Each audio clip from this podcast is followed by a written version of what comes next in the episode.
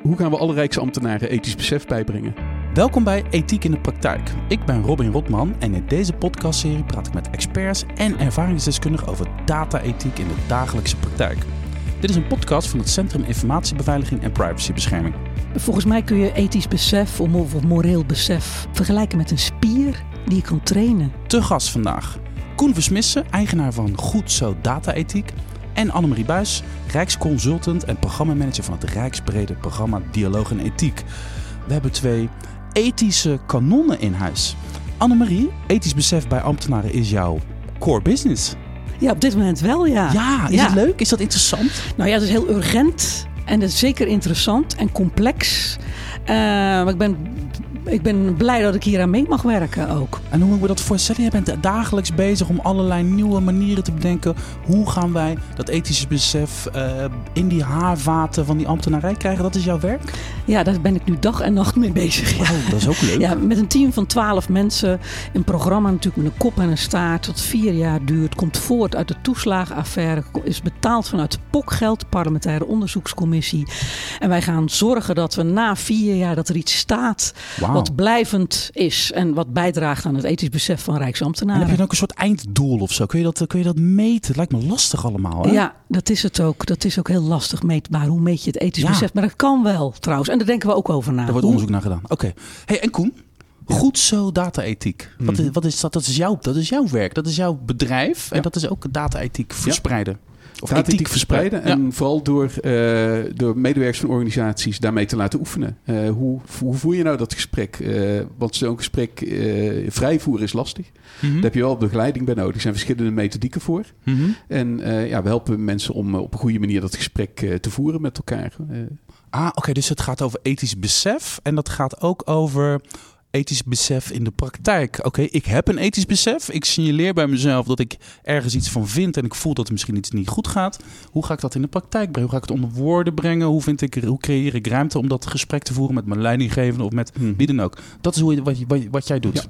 Ja. zonder praktijk heeft ethiek weinig nut. Ja, hoe is het gesteld eigenlijk met het ethisch besef bij ambtenaren, Annemarie? Kun je een beetje een globaal beeld schetsen? Nou, ambtenaren hebben natuurlijk wel een ethisch besef. Maar heel lang was het de mores bij de Rijksoverheid, bij de overheid, dat de, eh, de moraal van de ambtenaar bestond erin om zijn moraal thuis te laten oh, eigenlijk. ja, ja, Een soort uh, neutraliteit. Maar vandaag de dag is het gewoon nodig, dat ethische besef in de complexiteit waarin we mee we nu werken, ook bijvoorbeeld met data en technologie. Um, is het belangrijk dat we dat ethisch besef van ambtenaren ontwikkelen ook. Dat is gewoon een onuitputtelijke bron van uh, allemaal interessante meningen en uh, mensen die gewoon slimme dingen kunnen zeggen. Het, het is, volgens mij kun je ethisch besef of, of moreel besef vergelijken met een spier die je kan trainen. Je kan hem oh, dat vind ik een mooie.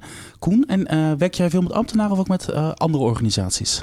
Uh, wel veel met ambtenaren, ja. ja. En um, kun jij een beetje vergelijken hoe dat ethisch besef is bij andere organisaties dan ambtenaren? Want ik heb zelf het gevoel uh, dat wij een groter ethisch besef ver verlangen van uh, mensen die ambtenaar zijn of die in dienst van de samenleving zijn. maar is, is, hoe zie jij dat eigenlijk? Ja, dat, dat vind ik dat is wel een complexe vraag om te beantwoorden. Ehm, natuurlijk, van de overheid mhm. verwachten we misschien wel meer dan van het bedrijfsleven. Uh, of we daarmee ook van de ambtenaar meer verwachten, ja, dat is maar de vraag. En ik denk dat Annemarie terecht zegt dat dat wel meer wordt. Hè? Dat mhm. we meer neerleggen bij de individuele ambtenaar. Tegelijkertijd is er natuurlijk ook steeds meer discussie over het bedrijfsleven. Dat die wel eens wat meer hun verantwoordelijkheid mogen nemen. En dat zal toch voor een deel ook van de individuele medewerkers daar moeten komen. Dat kun je ook niet alleen van de, van de top van het bedrijf verwachten. Mhm. Dus ja, het is een complex plaatje. Misschien dat we uiteindelijk toch nog wel van ambtenaren net wat meer verwachten dan van mensen in het bedrijfsleven. Maar het verschil is misschien niet zo groot als je in eerste instantie zou denken. Hoe zie jij dat, uh, Annemarie? Nou, ik denk dat je wel gelijk hebt. We mogen van beide dat verwachten. Ik denk ook dat dat nodig is in deze tijd. Maar ik denk toch dat de overheid het goede voorbeeld moet geven. En die moet misschien toch net iets meer doen. Die moeten gewoon laten zien. Of niet wat voorgaan erin. Als we het dan even hebben over dat ethische besef bij ambtenaren, waar hebben we het dan over? Ja, een goede vraag. Ethiek zit overal in. Zit in beleidsvorming, zit in uitvoering van beleid, in toezicht, maar ook in omgangsvormen onderling in de organisatie, naar de, uh, de bewindspersonen, naar de Kamer. Ethiek zit overal in. En als je je ermee bezig gaat houden, dan ga je langzaam zien wat het allemaal is eigenlijk ook. En waar je eigenlijk over na zou moeten denken. Je gaat er ook gewoon heel erg blij bij kijken. Je vindt het gewoon echt een mooi vak, hè? Ja, ik vind het een mooi vak, maar het is wel complex, denk ik. Ja. En, en als jij naar de overheid kijkt, Koen, uh, heb jij dan, wat zie jij dan? Waar, waar, waar, waar, waar heb jij het gevoel dat het het meest urgent is dat we dat ethische besef gaan, uh, neer gaan zetten? Hoe meest urgent, dat is wel een lastige vraag. Nou, waar, waar ik wel een risico zie, dat is misschien mm -hmm. goed om te benoemen. Jij noemde ook al AI en dat soort ontwikkelingen. Uh, daar is heel veel aandacht voor geweest de afgelopen tijd. En er zijn heel veel frameworks en richtlijnen en principes gepubliceerd. En waar ik een risico zie, is dat een beetje doorgeschieten richting uh, compliance en techniek. Mm -hmm. uh, en de ethiek vergeten. Dus, dus dat, dat we allerlei mooie afvinklijstjes krijgen en richtlijnen waar we ons aan moeten houden.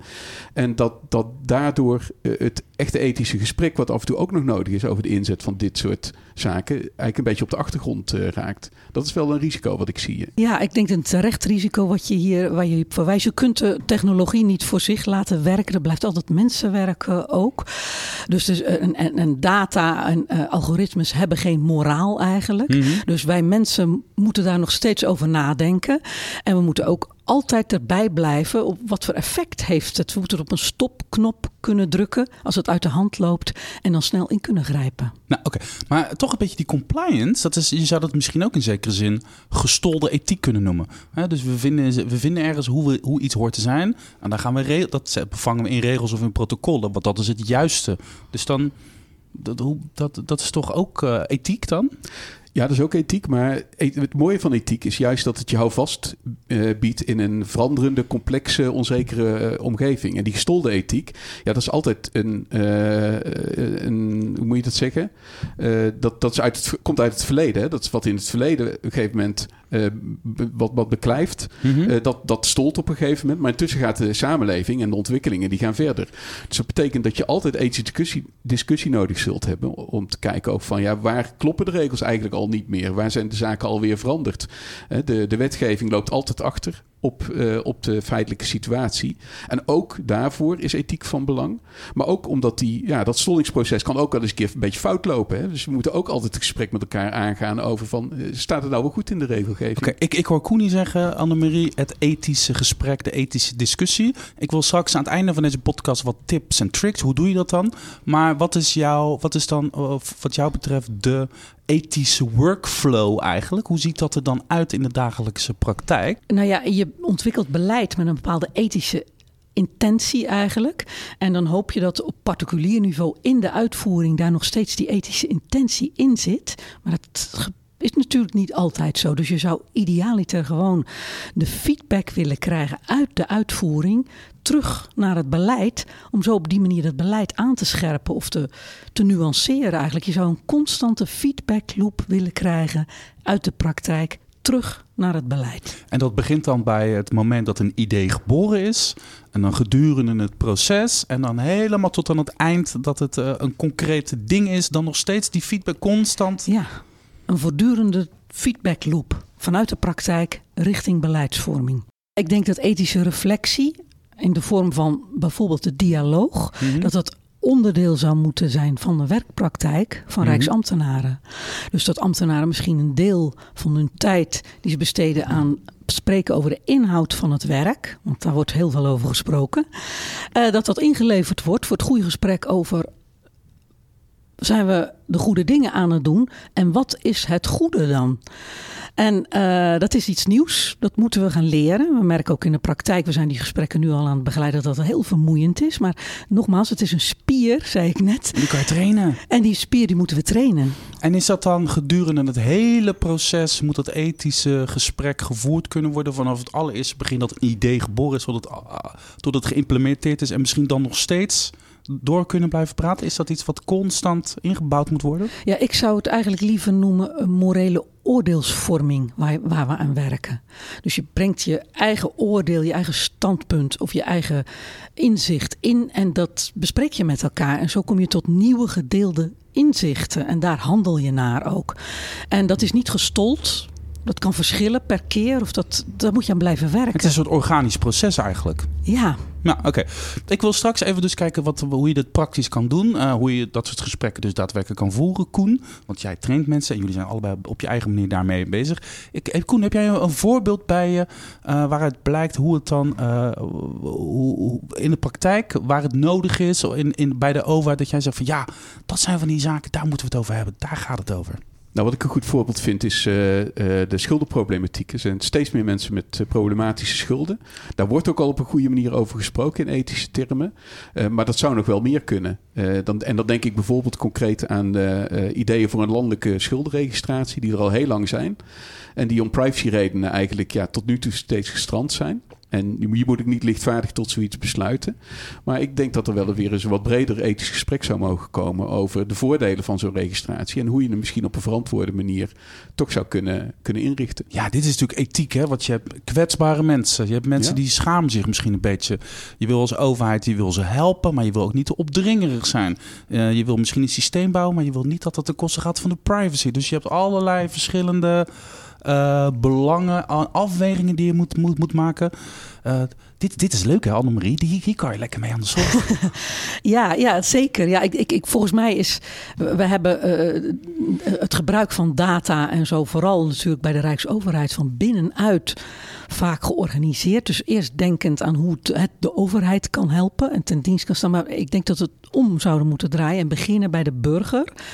En, en, vanuit daar redeneren, hoe kunnen we dat dan het beste vormgeven? Dat je de burger daarbij betrekt ook en daarin transparant bent en de burger daarin meeneemt in dit soort processen nu zitten we al gelijk in, in, in termen van uh, oplossingen te praten eigenlijk. Hè?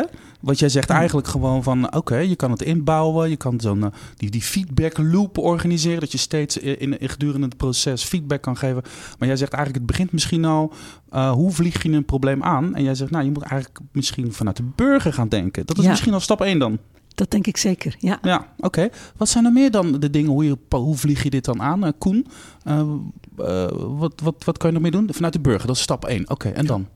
Nou ja, dus, dus met name misschien toch goed om expliciet te benoemen het gesprek voeren. Hè? Dus, mm -hmm. dus niet, niet, niet in termen van uh, van gestolde regels. Maar altijd dat gesprek blijven voeren, dat is heel belangrijk. En dan, uh, wat denk ik ook heel belangrijk is uh, om ethiek op een goede manier te doen, is dat het een dialoog wordt en geen discussie. Mm -hmm. en daarvoor is ook weer nodig dat je het op een goede manier begeleidt. Dus wat dat betreft is het ook heel mooi dat er nu zo'n programma loopt. Om ook uit, om te, uit te vogelen van hoe werkt dat in de praktijk? Wat werkt er wel, wat werkt er niet? Er zijn al verschillende methodieken voor. en hoe zorg je er nou voor dat, dat er dus ook een echte dialoog ontstaat, waarbij mensen ook echt naar elkaar luisteren. En ook bereid zijn om af en toe misschien ook eens van standpunt te veranderen uh, als daar een reden voor is. Maar ik kan me wel voorstellen dat dit spannend is als ambtenaar. Want voor je het weet ben je een soort van klokkenluider. Sta je lijnrecht tegenover je organisatie. Klokkenluiders hebben het altijd zwaar. Weet je wel, dit zijn altijd de mensen die zijn een beetje. Die hebben misschien wel moreel gelijk. Maar die, die worden vermalen door het systeem. Hè? Die hebben het zwaar. Uh, maar je bent natuurlijk helemaal geen klokkenluider. Je bent gewoon iemand die betrokken is. En die. Toch? Of is dat een, is dat een spanning die, die jij voelt in de praktijk? Ja, we hebben onderzoek laten doen uh, onder Rijksambtenaren naar morele vragen van Rijksambtenaren. En een merendeel van ambtenaren loopt regelmatig rond met morele twijfel, zelfs buikpijn. En het blijkt in de praktijk toch echt wel moeilijk om daar het gesprek over te voeren. De organisaties zijn over het algemeen niet echt ontvankelijk voor dit soort uh, uh, vragen. En uh, dit vereist echt een dialogische cultuur om dat te kunnen gaan onderzoeken. En ja, dialogische daar... cultuur? Ja, Wauw, ja. goed woord. Dialogische cultuur, ja.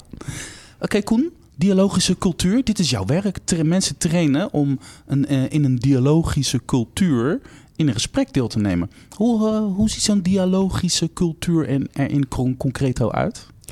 Um, uh, aan de hand van concrete casus, hè, dus niet in abstracte termen blijven spreken, pak er een concrete casus bij waar je het met elkaar over gaat hebben, vanuit verschillende invalshoeken. Uh, dat is ook belangrijk. Hè. Er moet een jurist aan tafel zitten en een techneut en een beleidsmaker. Hè. Dus van, van, vanuit zoveel mogelijk verschillende kanten mensen bij het, bij het gesprek betrekken. En wat ik zei, niet iets blauw in een praten, maar wel, wel op een geleide manier. Om te voorkomen dat het alle kanten op gaat en, en dan soms ook nergens heen gaat. Um, en op nou, ik denk dat dat belangrijke ingrediënten zijn om, om, om een gesprek te voeren waar ook uh, waar niet altijd misschien concrete oplossingen. Nou, misschien is dat ook nog wel een voorwaarde. Dat je niet per se als einddoel hebt van dat er een oplossing of een conclusie uitkomt. Laten we eerst maar eens gaan praten. Ja, want bij ethiek hoort ook dat, dat, het soms, uh, dat je soms na, na een ethisch gesprek nog meer vragen hebt. En nog ingewikkeld, dat het ingewikkelder is geworden in plaats van dat het simpeler is geworden en is opgelost. Hopelijk niet altijd. Maar ja, dat kan soms wel gebeuren. En, en die ruimte moet er ook zijn. Oké, nog iets concreter dan. Uh, dit gesprek, is dit uh, tijdens de reguliere vergadering? Maandagochtend om 9 uur? Of moet je een aparte vergadermoment... Dit is, nu, gaan we, nu, nu is er ruimte voor ethiek. Of is dit bijvoorbeeld, uh, ik stap even naar mijn baas, ik heb een beetje buikpijn vanwege dat project. Ik, voel, ik heb het gevoel dat het niet lekker loopt. En dan ga je dat gesprek optuigen met alle stakeholders. Rotwoord is dat, maar je begrijpt wat ik bedoel. Wat, hoe ziet dat er in concreet uit? Of kan, kunnen, kunnen al deze scenario's? Ik denk allemaal. Uh, dat, het is allemaal belangrijk. En ik, maar ik denk wel dat dat, dat, dat echt dat ingeplande, concrete ethische overleg, mm -hmm. uh, dat je dat in ieder geval geregeld moet hebben om ook die andere dingen uh, soepeler te maken. Dat mensen, men zich ook vrij voelt om inderdaad tijdens een werkoverleg ook eens de, de hand op te steken en te zeggen: ja, maar wacht even, waar zijn we nou mee bezig? Uh. Ja, oké. Oké, dus, dus, uh, dus het is heel concreet op, op de werkvloer. Maar jij, Annemarie, jij moet dus zorgen dat dat cultuur, die nieuwe cultuur, dat dat ontstaat. Dus ik neem aan dat jij je misschien iets meer wendt tot de leidinggevende en de leidinggevende van de leidinggevende om, om, om dit als een soort olievlek uit te spreiden? Hoe, hoe ziet dat eruit? Hoe ziet jouw werk er dan uit? Hoe regel jij dit? Nou, het werk van ons lijkt wel een beetje op elkaar, moet ik zeggen. Maar uh, ik denk dat op verschillende vlakken je hieraan zou kunnen werken. Er zijn bijvoorbeeld uh, een pool van duizend gespreksleiders aan het opleiden bij de Rijksoverheid. En op aanvraag kunnen gesprekken begeleid worden. Maar wij denken ook dat in leiderschap zou je dit ook in moeten bouwen. Dus leiders zouden hier uh, ook om moeten kunnen schakelen naar een andere vorm van gesprek als zij zien dat het nodig is. Dus die zouden die vaardigheden echt wel moeten uh, aanleren. Ja, wat, uh, we, we, we, hebben nu al een paar concrete tips en de delen van oplossingen genoemd. Denk vanuit de burger. nou ja, we hebben ze allemaal al een beetje genoemd. Maar dan toch die leiders, zij moeten dus de ruimte creëren voor mensen om zich veilig te voelen, om iets te roepen zonder dat ze meteen het gevoel hebben dat ze een klokkenluider zijn. Dat, dat, dat, dat die cultuur ontstaat. Dat is best wel ingewikkeld, lijkt me dat. De mensen hebben het allemaal druk. Ja. We, hebben, we, hebben, veel te veel werk te doen. Uh, en dan moet je ook nog eens een keer ruimte en tijd en rust vinden om mensen dit soort gesprekken te laten voeren. Is dat, uh, is dat een soort. Zit daar spanning? Nou ja, daar zit in zeker spanning. Maar het is natuurlijk eigenlijk ook zo dat juist wanneer je als een dolle aan het rennen bent, dat je even pas op de plaats uh, maakt. En denkt: wat zijn we hier aan het doen? Want als je er echt gewoon goed over nadenkt en met elkaar het gesprek voert, dan denken wij dat zich dat zelf, dat zich dat loont eigenlijk ook. Ja, dat gaat zich terug, terugbetalen. Ja, ja, we zijn als een gek eh, aan het rennen ook en de politiek aan het bedienen, bezig met kamerbrieven en verantwoording en zo. En ambtenaren geven ook aan, ja, ik, ik, ik, de, de, de, de dingen die ik eigenlijk zou willen of moeten doen, daar kom ik gewoon soms niet aan toe. Wat we misschien nodig hebben is, uh, is een andere term dan klokkenluider. Ja, daar zit een negatieve connotatie ja. aan. Terwijl eigenlijk, volgens mij probeer jij dat ook te bereiken, Annemarie, is dat het juist positief wordt gezien dat mensen kritisch meedenken, ook dingen ter discussie Zeker. durven te stellen binnen een organisatie. En ik heb nou niet direct voorstel paraat. Maar zouden we niet eens kunnen kijken of we een niet een andere term kunnen vinden die juist die positieve bijdrage van de kritische ambtenaar uh, benadrukt? Ik geloof dat ik wel met je. Ik, ik, ik, in zijn algemeenheid geloof ik niet dat uh, zeg maar nieuwe woorden of de semantieken dat ons gaat redden. Maar in dit geval geloof ik wel dat uh, de term klokkenluider is wel iets. wat je, je bent pas een klokkenluider in mijn optiek als je alle ethische gesprekken hebt gevoerd. En iedereen heeft zijn zegje gedaan. En je hebt het eigenlijk al goed gedaan. En als dan nog steeds um, blijkt dat er iets grondig misgaat, ja, dan, dan word je misschien eens een keer een klokkenluider. Maar dat is een soort last resort. We zitten nu natuurlijk te praten over het proces. Het moet eigenlijk altijd dat gesprek moet gevoerd worden. Dus ja, dus ik geloof dat daar wel een soort terminologie op zijn plek is. Heb jij daar ideeën voor, Annemarie? Nou, je zegt net dat alle ethische gesprekken al gevoerd zijn. En pas dan ga je naar het klokkenhuis voor de klokkenluiders. Maar uh, die ethische gesprekken die worden natuurlijk nu nog niet op minimaal gevoerd.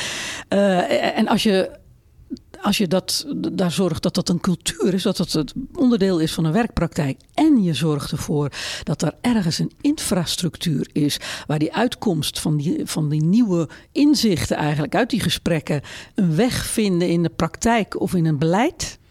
Ja, dan, zijn, dan zijn we heel goed bezig, denk Ja, ik. die zijn we hartstikke goed bezig. Oké, tot, tot slot. Eh, er is een hoop werk aan de winkel. Jij bent goed bezig om dit als een soort eh, een, een, een systeem te bouwen waarin dit normaal is. Als ik nu ergens op een ministerie werk of ergens bij een gemeente werk, ik ben ambtenaar en ik heb het gevoel, oeh, hier, hier gaat iets mis. Eh, ik, ik, maar ik durf niet zo goed. Ik ben bang, eh, misschien wel voor mijn baan. En mijn, ik heb een do- dominante leidinggevende. Ik voel me niet veilig om dit. Ik heb het geprobeerd. Ik krijg niet de respons die ik wenste. Hoe, hoe, hoe pak je zoiets op dit moment eh, aan, Koen? Hoe creëer je toch als betrokkenen zo'n gesprek? Nou ja, zoals jij het schetst, hè, waarbij je eigenlijk niet naar je leidinggevende kan, dan zit je Mhm. natuurlijk wel in een heel moeilijke situatie. En dan, eh, dan zul je denk ik toch op zoek moeten gaan, gewoon naar ja, mensen die kent in de organisatie, waarvan je, waarvan je het, het oordeel respecteert. Om eens even te toetsen van, ja, heb ik het eigenlijk wel goed? Het kan natuurlijk ook best zijn dat jij bepaalde dingen over het hoofd ziet. Maar op het moment dat blijkt dat anderen eh, ja, jouw visie delen, nou ja, dan ontstaat daarmee natuurlijk ook een bepaald soort groepsvorming. En samen sta je sterker. En dan kun je wellicht toch op een of andere manier een weg vinden om, om iets wel aan te kaarten binnen je organisatie. Dus stel je in zekere zin maar een het beetje... is, het is niet makkelijk Stel je in zekere zin een beetje kwetsbaar op richting een collega. Neem iemand in vertrouwen. Gaat gewoon rustig even uitleggen. En probeer dat verhaal een beetje groter. Is dit een goede tip? Het met hem eens? Ja, ik denk dat het wel een goede tip is voor, voor nu. Uiteindelijk zou je gewoon willen dat je dit wel kunt bespreken met je leidinggevende in je team. Dat daar gewoon de ruimte voor is. Dat is vaak nu gewoon nog niet het geval. Maar je moet ergens beginnen inderdaad. En dan lijkt me het vier ogen principe. Dus eerst reflecteren, eerst kijken van eh, is dit, hoe, vindt de, hoe denkt de ander hierover? Is het, ben, is dat, ligt dat aan mij dit? Dat je dat kunt delen en, eh, en dan een coalitie vormen. Ja, ik vind het niet zo'n slechte tip. Er is natuurlijk uiteindelijk ook altijd nog de vertrouwenspersoon. Ja. Eh, de officiële weg eigenlijk die je kunt volgen. Of een integriteitscoördinator, integriteitspersoon van de afdeling.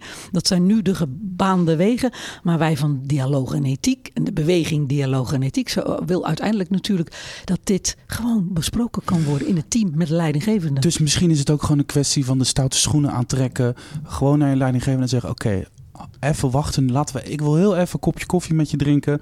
Ik loop hier rond. Ik vind het heel moeilijk om dit te zeggen. Ik heb, ik heb tot nu toe niet het gevoel dat er naar me geluisterd Ik wil echt even nu wat, wat kwijt. Nou, maar je legt er nou te veel bij de ambtenaar op in. Het, het moet bij de organisatie liggen. Het moet ook gefaciliteerd worden. En dat, dat kun je op verschillende manieren doen. Je moet mensen trainen, bewust maken. Er moet een vertrouwenspersoon of een integriteitscommissie of wat dan ook zijn. Er moet een methodiek zijn voor hoe je eh, binnen je organisatie over ethische vraagstukken praat. Er zijn allerlei zaken die je in je governance, in je organisatie moet regelen. Die ook helpen uiteindelijk om een cultuur te creëren.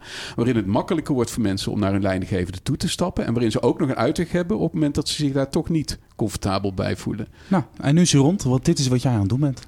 Toch? Ja. Dit is die cultuur die jij nu aan het bouwen bent. Ja, dat kunnen wij niet alleen natuurlijk. Daar hebben we iedereen voor nodig. Ja. Ja, ik, eh, ik heb het gevoel dat eh, het ethisch besef eh, bij ambtenaren, dat het in goede handen is bij jullie. Ik geloof wel dat dat gaat werken. Dus eh, dank jullie wel. Koen Versmissen, eigenaar van Goed Zo Data Ethiek. Succes met je mooie werk. En je. Annemarie Buis, een Rijksconsultant, programmamanager, Rijksbrede programma, Dialoog en Ethiek. Succes met alle mooie dingen die je doet. En eh, wil je nou meer informatie over ethiek, data-ethiek? Luister ook de andere afleveringen. Wat je hoort is super interessant. Allemaal leuke mensen die echt hele slimme dingen zeggen. Ga naar sip-overheid.nl slash uitgelicht of je favoriete podcast app. Dank jullie wel.